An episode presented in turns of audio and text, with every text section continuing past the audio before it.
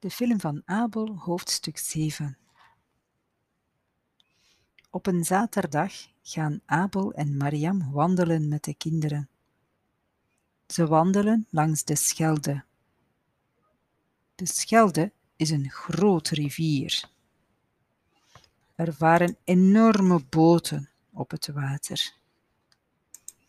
Met wel duizend containers op één boot. Fikru begint de containers te tellen. Maar dat is te moeilijk. Mariam wil naar de overkant van de rivier.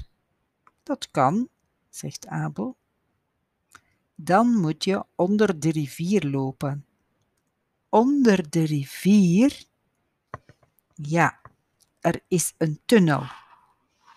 Er is een tunnel voor auto's, maar er is ook een tunnel voor wie te voet is. Helemaal naar de andere kant. Dat wil ik, dat wil ik, roept Fikru. Fikru wil altijd alles.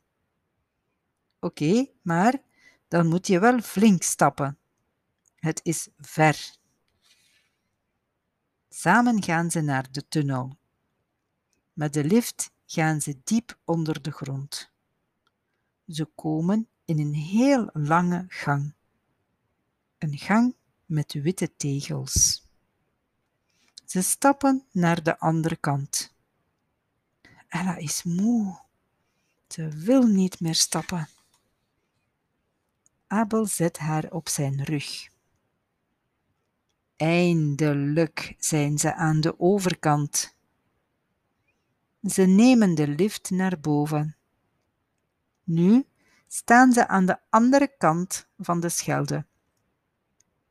Het centrum van Antwerpen is nu aan de overkant. Wat is dat mooi! Ze gaan op een bank zitten. Ze praten en lachen.